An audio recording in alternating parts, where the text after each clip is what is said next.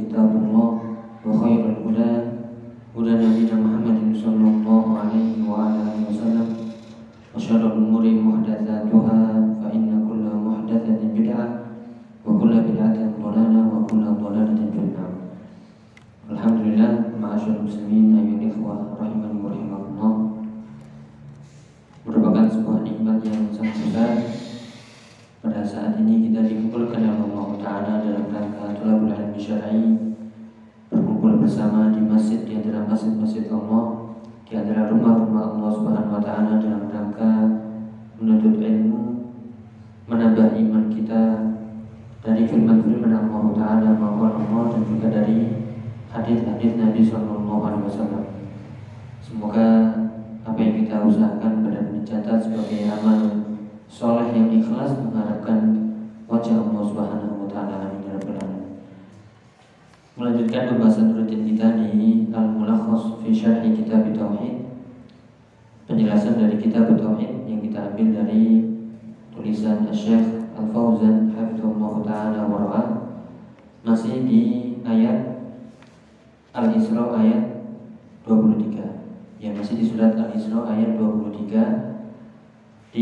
pembahasan munasabatul ayat dan bab Sebelum nanti kita melanjutkan di surat An-Nisa ayat 36 Yang termasuk dalil-dalil yang disebutkan oleh mu'alif Syekh Muhammad bin Abdul Wahab rahimahullah dan kitabnya Kitab Tauhid.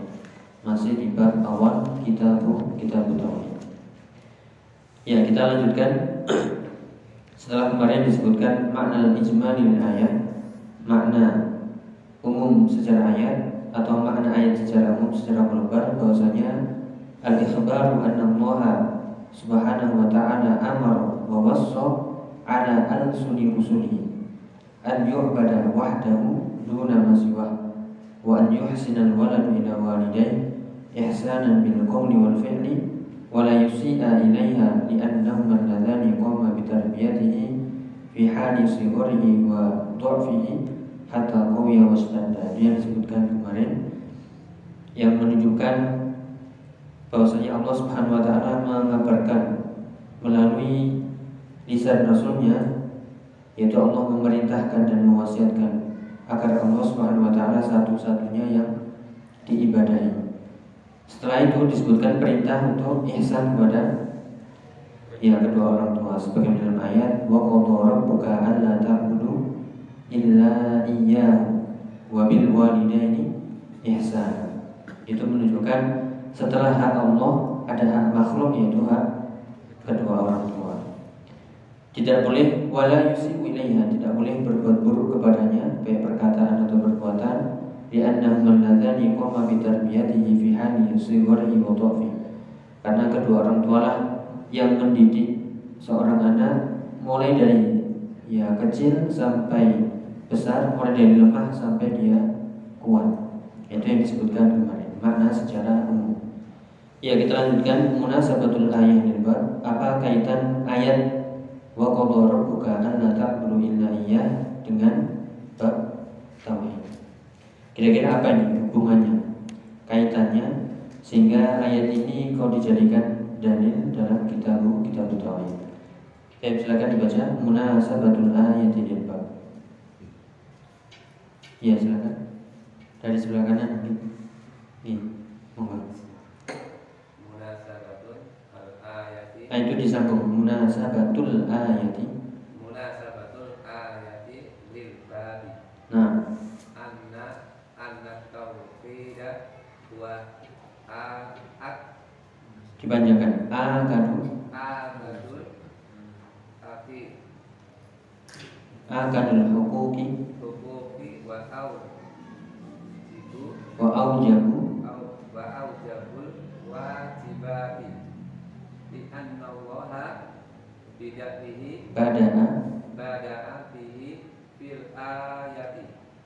Wala yabtada'u wala yubdatahu wala yubtada'u. yabtada'u illa bil ahammi. Fal ahammi. Fal ahammi. Ya, sambil diberikan harokat ya. Ini latihan. Munasabatul ayat ini bab kesesuaian bab atau hubungan ayat dengan bab kitab tauhid. Syekh Hafizullah taala menjelaskan anna tauhida bahwasanya tauhid huwa akadul huquq. Ya, akad itu dari kata akada yuakidu takidan itu isim tafdilnya yang maknanya tauhid itu adalah hak yang paling ya yang paling yang paling utama yang paling kuat. Wa aujabul wajibat dan kewajiban yang paling ya kewajiban yang paling wajib. Selain hak yang paling kuat ya dan juga kewajiban yang paling wajib. Itu adalah tau tauhid. Di Allah bada'a bihi fil ayat. Kenapa? Karena Allah Subhanahu wa taala menyebutkan atau memulai pertama kali dalam ayat yaitu wa qadara rabbuka alla ta'budu illa iya. Disebutkan pertama kali hak siapa? ya hak Allah Subhanahu wa taala. Kewajiban pertama kali kewajiban kepada ya kepada Allah Subhanahu wa taala. Wala yubtada'u illa bil ahammi fal. Dan kaidahnya tidaklah memulai sesuatu itu kecuali dengan memulai yang penting terlebih dahulu, kemudian setelahnya, kemudian setelahnya. Jadi di, diletakkan di awal itu menunjukkan pen, ya penting. Kalau kita bikin sesuatu ya nomor satu itu berarti ya yang paling penting. Demikian juga ini diletakkan di awal itu menunjukkan dia ya hak tersebut kewajiban tersebut yang paling penting di antara yang paling di antara yang terpenting. Yaitu faedahnya kenapa kok didahulukan Allah ta'budu illa iyyahu. Nah, di situ karena itulah hak yang terbesar, yang paling kuat dan kewajiban yang paling wajib. Ya, ini kan kita memahami ayat ya. Wa qadara rabbuka alla ta'budu illa illa iyyahu wa bil walidaini ihsana.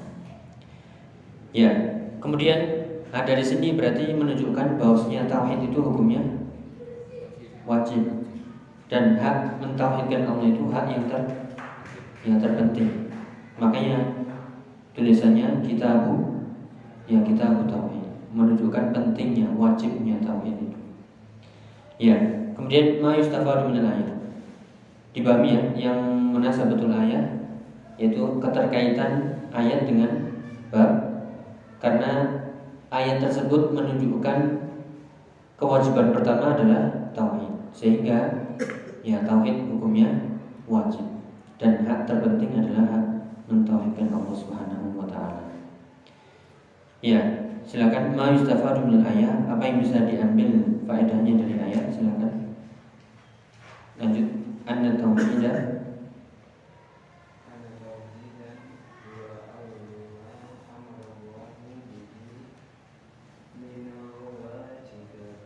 ya wa huwa awwalu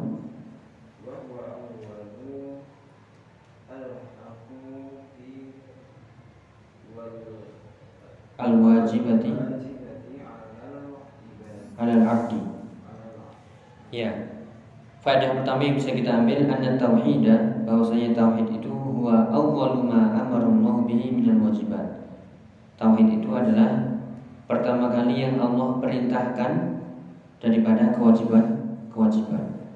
Ya kan kewajiban-kewajiban itu sangat banyak, tapi yang didahulukan perintah ya mentauhidkan Allah Subhanahu wa taala. Dalilnya apa? Ya tadi wa qadara rabbuka alla ta'budu illa iya. Kemudian bahwa awal hukum itu adalah hak pertama kali yang wajib alal abdi yang harus dikerjakan oleh seorang hamba. Ya berarti kalau ada kata ya hakun ala itu maknanya wajib bagi siapa? Ya bagi hamba. Ingat-ingat kata hakun ala. Kalau hakun lahu yaitu diterima, menerima. Makanya dalam bahasa Arab hak itu bisa diartikan wajib, bisa diartikan ya, bisa diartikan kewajiban, bisa diartikan hak. Kalau bahasa kita ya, hak itu menerima atau mengerjakan? Menerima. Menerima. Ya, kalau kewajiban melakukan. Dalam bahasa Arab, ya hak itu diistilahkan dengan hakun lahu. Setelah hak, setelah hakun ada huruf jarnya la. Tapi kalau hakun ala itu kewajiban seorang hamba. Makanya at-tauhid hakun ala Allah atau hakun ala, ala abdi. Ya, at-tauhid hakun ala Allah atau hakun ala abdi. Ya, ala abdi karena itu kewajiban hamba. Ya, nanti akan kita lewati hadis ya mahakullahi ala ibad wa mahakul ibadi ala Allah. Ya, jadi ingat-ingat hakun ala itu kewajiban. Misalnya kita mengatakan pada teman kita, ya akhi, hakun alaika al at-ta'allum. Ya, berarti apa? Wajib bagimu belajar. Ya, beda kalau kita mengatakan hakun laka al al mukafaah misalnya.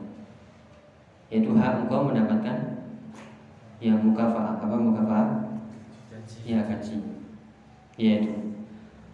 Itu bedanya hakun lahu dan hakun ala. ya kemudian yang kedua, silakan.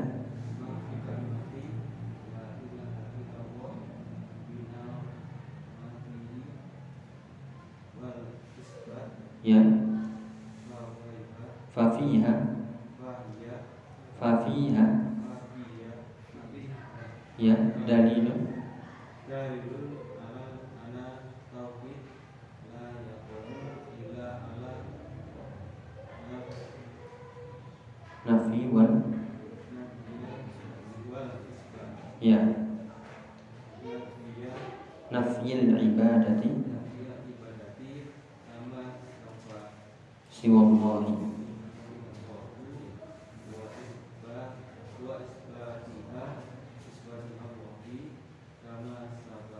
Ya, yang kedua di sini menjelaskan mafi kalimat la ilaha illallah minan nafi wal itsbat.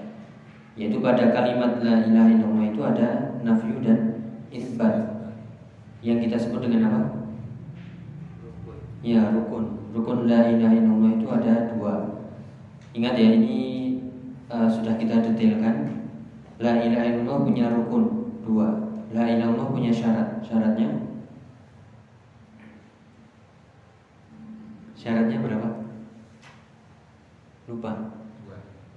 syaratnya tujuh ya. Iya tujuh. ya ini nanti pertanyaan dulu. Berarti kalau nggak belajar rukun dan nggak belajar syarat la ilaha Islamnya nggak nggak sah. Atau syaratnya nggak sah? Ya tetap sah. Tapi kita kan belajar ya. Tolabul ilmi, tulabul ilmi, jadi harus lebih mengetahui ya lebih detailnya. Kenapa? Ya karena dengan ilmu itu akan membedakan kualitas ibadah seseorang dan derajat seseorang di sisi Allah Subhanahu wa taala. Misalnya kita dapati eh, kakek nenek kita misalnya, nenek moyang kita atau mbah-mbah yang di kampung pokoknya ngerti la ilaha illallah, enggak berbuat syirik. Ditanya rukun la ilaha illallah, buatan semerap. Ya. Rukun eh, syarat la ilaha illallah apalagi nih apa ini? Pokoknya saya nggak berbuat syirik, tetap sholat, ibadah, zakat, puasa, nggak bermaksiat. Apa Islamnya sah? Ya Islamnya sah, selama tidak melakukan kesyirikan. Cuman yang membedakan adalah ya derajatnya di sisi Allah Subhanahu wa taala. Yarfa'illahu alladziina aamanu minkum walladziina utul ilma darajat. Ya di sini diulang-ulang rukun la ilaha illallah ada dua nafyun wal wal. Di ayat tadi yang disebutkan wa qadara rabbuka ta'budu illa iyyahu. Nah, di situ ada nafyun. Yang mana nafyunnya? Wa qadara rabbuka ta'budu Ya Allah ta'budu nafyun Menafikan Janganlah engkau Ya beribadah Tak boleh beribadah Kemudian baru ditetapkan Isbatnya illallah Kecuali kepada Allah Subhanahu wa taala. Ini adalah dalil ala anna tauhid la yaqumu illa ala nafyi wal itsbat. Tauhid itu tidak akan tegak kecuali dengan menegakkan rukunnya. Namanya rukun itu kan diapakan? Ya rukun, rukun tiang-tiang. Yaitu ditegakkan nafyu dan itsbat. Nafyul ibadati amma siwallah menafikan seluruh peribadatan selain Allah dan itsbatiha lillahi taala dan menetapkan hanya Allah saja yang wajib di diibadahi. Ini yang harus kita pahami benar-benar, kita ulang-ulang. Rukun la ilaha ada dua, nafyu dan itsbat. Yang semakin menegaskan bahwasanya la ilaha illallah yang juga sering kita ulang-ulang itu merupakan kaidah apa? Yaitu al al hasr yaitu kaidah pembatasan. Kenapa? Karena di situ ada nafyu dan kata illa. Kalau ada kata la dan setelah itu illa, maka itu mengandung ya pengkhususan. Artinya tidak ada ibadah kecuali hanya Allah. Berarti peribadatan itu dikhususkan hanya kepada Allah Subhanahu wa taala saja, nggak boleh kepada selainnya. Ya, jika kita memahami ini, maka tauhid kita akan ya terus terjaga. Jadi kita akan ya menjauh sejauh-jauhnya dari perbuatan ya syirik karena peribadatan itu dikhususkan nggak boleh ya kecuali hanya kepada Allah Subhanahu wa taala. Ya ada pun syarat la ilaha illallah mungkin ada yang pernah belajar ada tujuh ya. Ya kalau ditanya dalilnya apa ini kok ada syarat ada rukun? Dalilnya apa? Ya istiqra ulama yaitu uh, penelitian para ulama melihat nas-nas dan dalil sehingga disimpulkanlah syarat-syarat la ilaha illallah itu ada tujuh. Ini disimpulkan dalam sebuah syair yaitu dikatakan ilmun yakinun wa ikhlasun wa sidqu kama mahabbatin wa qiyamin wal qabul Yang pertama ilmun. Syarat la ilaha illallah yang pertama adalah ilmu. Harus berilmu. Ya dalilnya fa'lam annahu la ilaha illallah wastaghfir li Ya kan?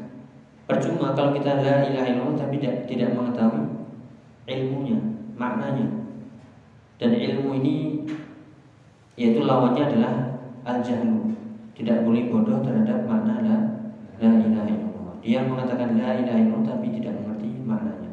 Padahal maknanya adalah tadi yaitu la ma'budu bihaqqin illallah, tidak boleh beribadah kecuali hanya kepada Allah Subhanahu wa taala. Kemudian yang kedua harus yakin. Ya, al yakin lawannya adalah syak ragu-ragu. Harus yakin, nggak boleh ragu-ragu. Ya, kalau ragu ini ya akan terjerumus kepada yang berbagai macam kesyirikan baik syirik akbar maupun syirik asghar. Ini kita ringkas ya, nanti bisa dibahas lebih lanjut. Kemudian yang ketiga harus ikhlas, yaitu lawan dari ya syirik. Karena orang yang paling berbahagia mendapatkan syafaat Nabi adalah orang yang ya yaitu as'adun nasi bi syafaati yaumul qiyamah man qala la ilaha illallah mukhlishan min qalbi. Orang yang mengatakan la ilaha illallah ikhlas dari hatinya maka akan mendapatkan syafaat Nabi sallallahu alaihi wasallam. Kalau selawatan tiap hari ya lihat dulu ikhlas enggak? Ya sesuai sunnah atau? Ya, kemudian yang keempat asyidku harus jujur, tidak boleh ada kedustaan sedikit pun. Yaitu uh, syarat la ilaha yang keempat adalah jujur dari hatinya, sedekor min qalbi. Ini dilihat dari dalil-dalil yaitu man qala la ilaha illallah sidqan min qalbi yaitu haramallahu ala ala nar. Siapa yang mengatakan la ilaha illallah jujur dari hatinya, maka Allah akan haramkan neraka neraka Kemudian yang kelima harus mahabbah, harus dipenuhi rasa cinta. Lawannya adalah benci, nggak boleh benci sedikit pun terhadap ya la ilaha illallah. Karena dengan cinta ini kita akan merasakan ya manisnya manisnya iman. Yaitu sebagai dalam hadis, talatul man kunna fi wajada bihinna halawatul iman ayyakuna Allah wa rasuluhu ahabba ilaihi mimma siwahuma tiga perkara yang jika tiga itu ada pada seorang seorang maka dia akan mendapatkan lezatnya iman yaitu menjadikan Allah dan Rasulnya yang paling dia cintai melebihi keduanya. Ya, kemudian yang keenam al-inqiyad yaitu tunduk. Harus ada ketundukan. Lawan dari ya berpaling atau menolak atau mengingkari. Karena tidak mungkin dia mengatakan la ilaha illallah tapi tidak tunduk terhadap perintah-perintah dan ya larangannya. Dan inilah di antara makna ibadah yaitu harus disertai cinta dan ya tunduk kepada Allah Subhanahu wa taala. Kemudian yang ke-8 yang ketujuh al-qabul yaitu harus menerima, tidak boleh menolak sedikit pun yaitu kandungan dari la ilaha illallah. Di antaranya adalah ketika Allah sudah menetapkan suatu perkara hukumnya halal dan haram maka kita harus ya menerimanya. Tidak boleh menolak sedikit pun. Itulah makna atau syarat dari la ilaha illallah yang dijelaskan oleh para ulama melalui dalil-dalil yang insya Allah bisa kita jelaskan kembali pada kesempatan uh, yang nanti insya Allah. Ya hanya silakan nanti bisa dilihat kembali rukun dan syarat la ilaha illallah. Sekali lagi, kenapa ini kita jelaskan? Ya karena ini untuk ya tolak tulabul Kalau untuk orang awam, ya pokoknya la ilaha illallah ngerti maknanya yang seperti seperti ini. Ya nggak nyantol nanti. Ya harus seperti itu. Baik berikutnya yang ketiga uh, faedah yang ketiga azamatu hakil walidain silakan. Hakil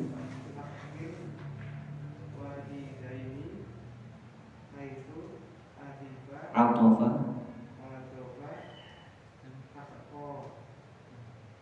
ya haqqahuma ala haqqihi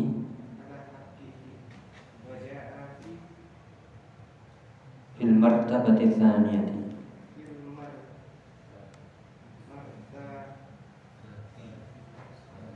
Ya, martabati tsaniyati.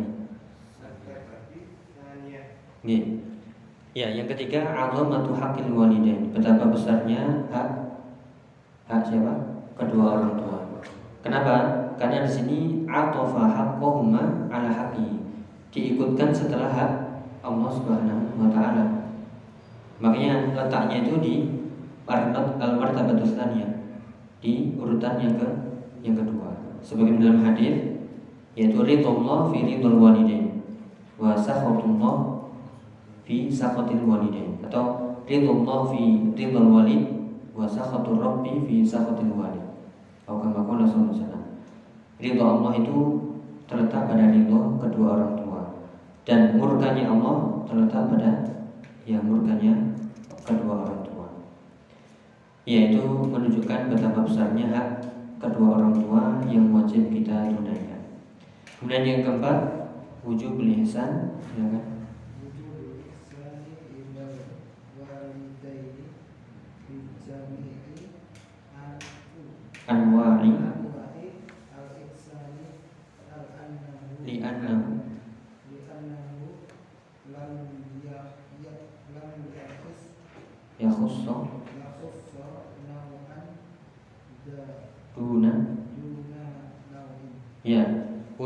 ihsani ilal walidain. Wajibnya berbuat baik kepada kedua orang tua. Berupa apa? Yaitu berupa jami' anwa'il ihsan. Berupa ya segala macam kebaikan. Li'annahu lam yakhussa naw'an duna naw karena kebaikan ini tidak dikhususkan. Nah, nanti kita belajar namanya ihsanan. Yang belajar bahasa Arab ihsanan ada tanwinnya. Itu isim apa? Iya isim nakiro. Dalam nakiro itu ada kaidah yufidu yufidul umum menunjukkan keumuman. Jadi yang dimaksud ihsan ini apa? Ya seluruh ya seluruh kebaikan. Seluruh ma'ruf. Ya maka macam berbuat baik pada orang tua yang banyak sekali. Ya bisa dengan harta dengan sikap dengan ya berbagai macam kebaikan, menyenangkan hati kedua orang tua dan seterusnya. Yaitu nanti akan kita belajar lagi di uh, ayat Kemudian yang kelima tahrimu uquqil walidaini yaitu haramnya durhaka kepada kedua orang tua. Ya ini termasuk uh, dosa besar di antara dosa-dosa yang paling besar. Seperti dalam hadis, ya Rasulullah ditanya, "Mal kabair?" Apa itu kabair? Dosa besar? Rasulullah menjawab, "Al-isyraku billah." Syirik kepada Allah. Kemudian ditanya lagi, "Summa madza?" Beliau menjawab, "Uququl walidain." Ya setelah syirik kepada Allah Dosa besar yang kedua Ya durhaka kepada orang tua Summa mada Summa kola al-yaminul humus Setelah durhaka kepada orang tua Al-yaminul humus Yaitu sumpah Sumpah palsu Yang seperti apa? Yaqtati'u Malam Malam muslimin Huwa fiha kadib Yang dia mengambil haknya seorang muslim Harta seorang muslim Akan tapi dengan cara ya dusta, kadzib. Itu dosa besar. Yaitu menyangkut harta seorang muslim. Yang kedua tadi durhaka kepada orang tua dan yang pertama adalah syirik kepada ya Allah Subhanahu wa taala. Tapi itu yang bisa kita bahas di al-ayat uh, min, min surat al-Isra dari ayat 23. Mungkin ada yang ditanyakan sebelum lanjut sedikit. Ya, kita lanjut ya. Lanjut dalil yang ketiga, uh, dalil yang keempat. Yang ketiga yang keempat. Satu, dua, tiga, empat. Dalil yang keempat dari ayat surat An-Nisa ayat 36. Silakan dibaca.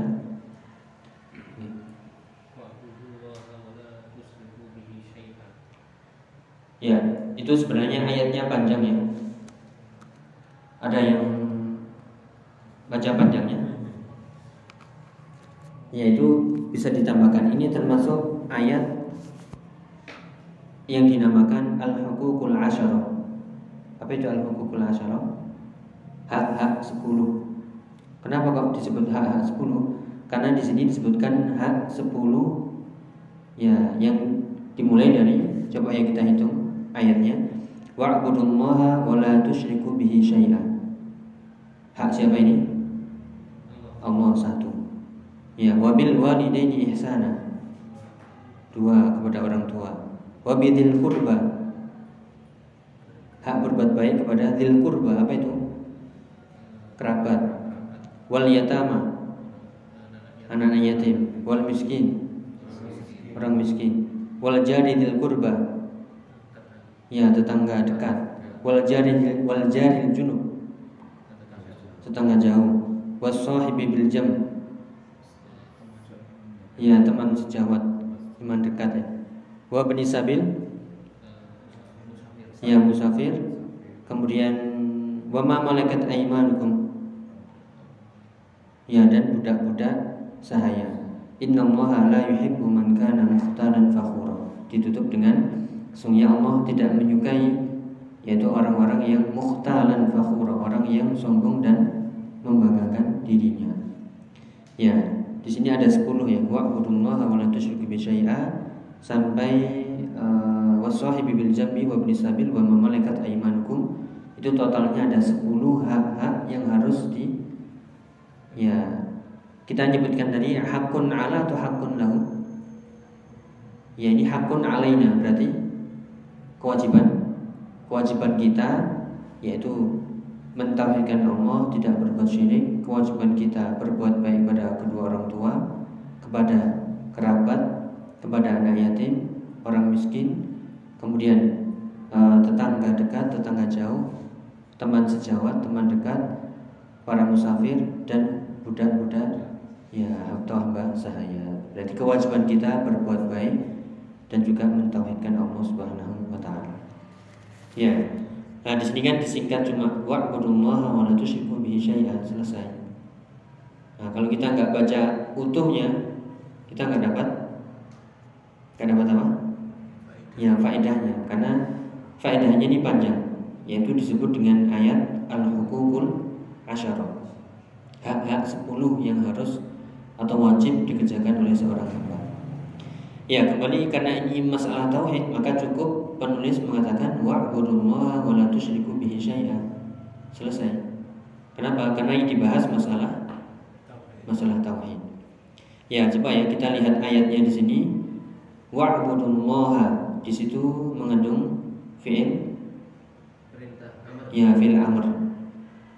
Wala tusyriku bihi syai'a. Di situ ada fi'il nahi atau larangan. Di situ ada kata lagi syai'an yaitu isim apa tadi? Ya, isim nakiroh tadi ya. Isim nakiroh kalau dia seperti ini, seperti tadi wabil walidain ihsan. Ihsan yang seperti apa? Ya ihsan seluruh jenis macam ihsan, kebaikan. Kalau ini syai'a artinya sesuatu. Gak boleh kita me- menyekutukan Allah dengan sesuatu. Sesuatu apa? Ya semuanya. Mau benda, mau malaikat, mau nabi, mau ya mau orang soleh yang sudah meninggal atau uh, masih hidup, semuanya pokoknya tidak boleh dijadikan ya sekutu ya sekutu uh, bersama Allah Subhanahu wa taala. Karena di sini ada kaidah uh, an-nakirah yaitu tufidul umum. Ya an-nakirah tufidu tufidul umum. Ya demikian juga. Kalau ada nakirah yang didahului oleh nafi yaitu dalam kaidah usul fikih yang biasanya disebutkan uh, an-nakirah fi siyakin nahyi yaitu mengandung ya mengandung keumuman. Ya an-nakirah fi siyaki an-nahyi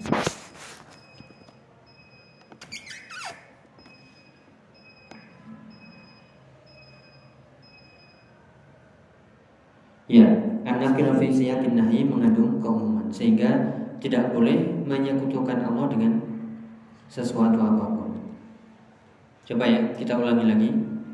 Selain nakirah juga ada didahului oleh fi'il nahyi. Ya, jadi kalau misalnya di ayatnya ada yang mengatakan wala taj'alu lillahi andada. Janganlah kalian menjadikan Allah tandingan-tandingan. Tandingan-tandingan seperti apa? Ya, semua tandingan nggak boleh dijadikan. Atau dalam ayat misalnya wa ma bikum min ni'matin fa minallah. Di situ ada nahyi dan nafi. Itu maknanya mirip-mirip. Intinya negatif. Kalau ada negatif setelahnya nakirah itu mengandung keumuman. Misalnya dalam ayat wa ma bikum min ni'matin fa minallah. Tidaklah yang ada pada kalian dari nikmat kecuali itu dari Allah. Nikmat yang seperti apa? Ya semua nikmat. Ya, ada lagi ayat wa ma min ilahin illallah. Tidaklah, nah itu tidak ada ma ya. Tidaklah min ilahin, ilahin ada tanwinnya. Berarti nakirah atau ma'rifah? Nakirah.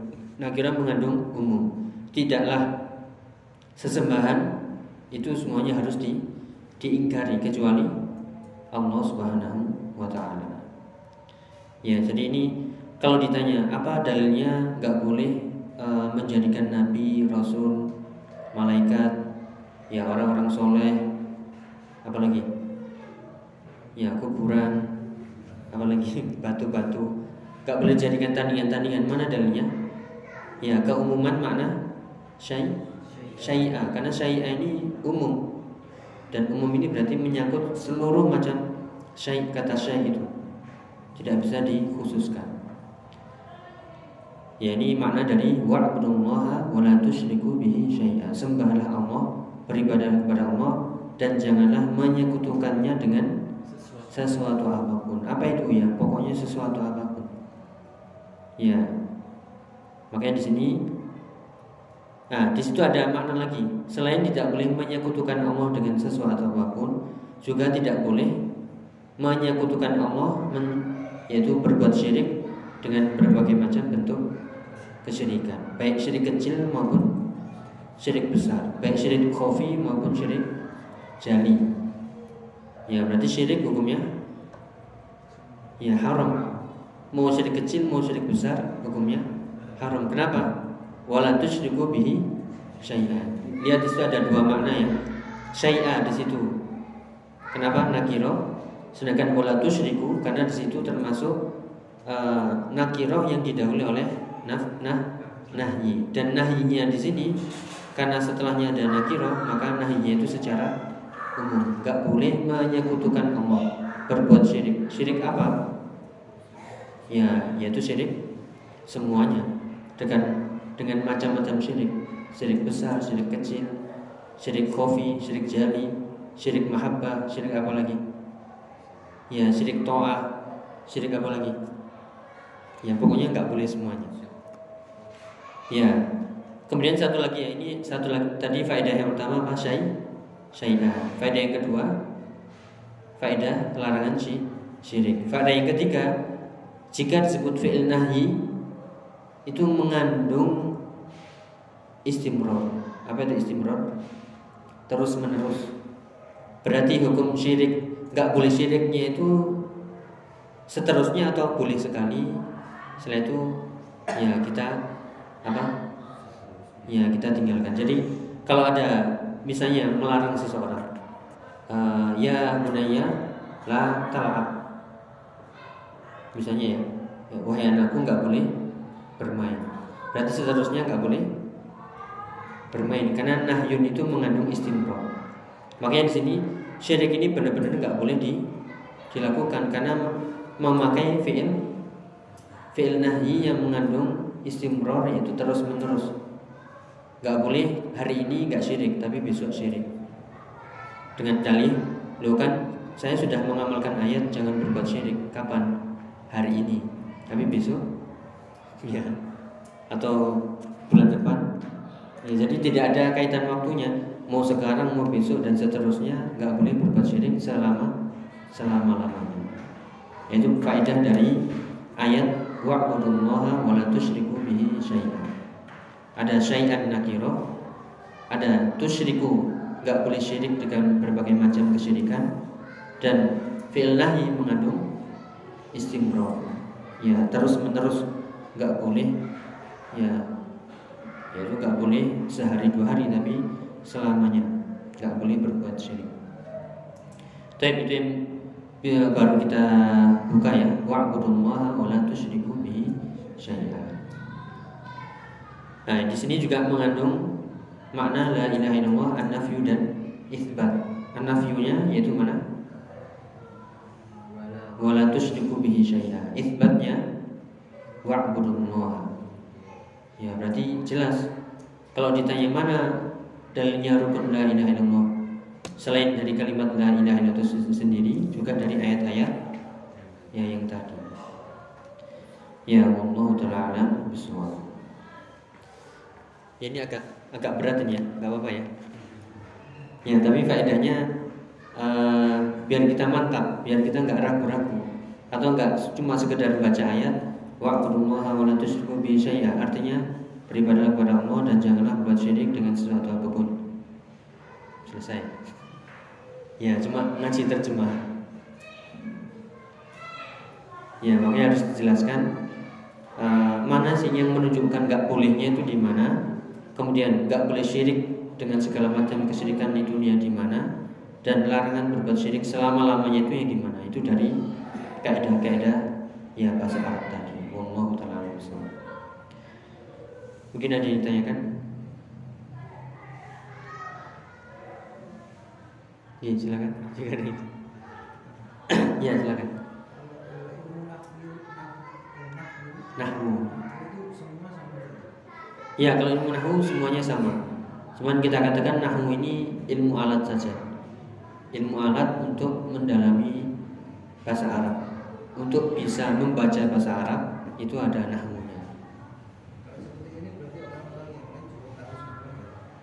Oh yang kaidah-kaidah seperti ini. Nah ini tergantung kan ketika belajar nahu ya kita sebutkan nahu itu kan ilmu alat ya ilmu alat untuk bisa membaca bahasa Arab sesuai dengan harokatnya jelas. Kemudian ada pelajaran lagi namanya pelajaran balago. Ya. Kemudian ada pelajaran lagi ilmu syari, ilmu syar'i namanya usul fikih, ya usul tafsir. Kalau misalnya dia nahnya jos misalnya ya. Ya tanpa ada ini, tanpa ada celah, tapi nggak belajar usul fikih, ya usul tafsir, nggak nggak belajar ilmu balago, ya cuma sekedar bisa bisa bahasa Arab. Tahu oh ini i'rabnya begini ini nggak boleh sukun nggak boleh tanwin nggak boleh ini nggak boleh ini. Tapi coba jelaskan. Ya itu harus ada ilmu lain namanya ilmu usul fikih ilmu syar'inya dan ilmu balaghah ilmu bantuan dari uh, bahasa Arab dari kaidah-kaidah uh, memahami nas-nas ataupun uh, teks-teks bahasa Arab yang di situ ada kandungan yang tersembunyi di situ. Seperti tadi ya uh, tadi ya wala tusyriku bihi syai'a wa bil walidaini ihsana ihsanan nakira. Mungkin kalau belajar nahwu hanya menyebutkan apa makna nakira? Nakira itu umum.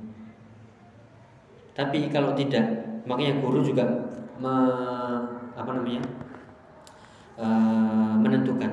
Misalnya guru tidak menjelaskan di ayat-ayat seperti ini.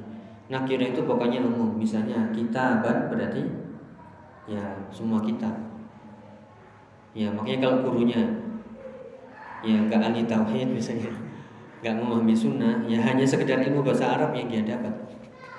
Tapi ilmu-ilmu lain yang tidak tersentuh dan itu butuh ilmu lagi namanya uh, ilmu-ilmu syar'inya seperti ilmu usul fikih ya kemudian usul tafsir usul hadis dan uh, ilmu syar'i yang lain Ya, jadi prosesnya panjang. Uh, ada darah dan keringat yang situ ditumpahkan ya untuk bisa membaca.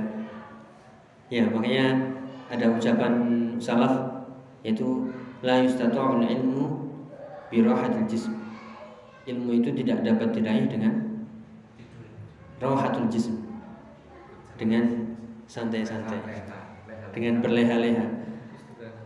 Ya, jadi harus ngoyo harus ngoyo ekstra ya karena itu ilmu nggak bisa diraih dengan ya cukup duduk manis santai ya nggak baca kitab nggak ini nggak sibuk ya itu bahkan nanti ada ada Ustad uh, Tito ya tahu Ustad Tito ya itu nanti bikin apa ya makalah uh, ada kisahnya Imam Syafi'i yang diberikan budak wanita pada malam hari apa kisahnya?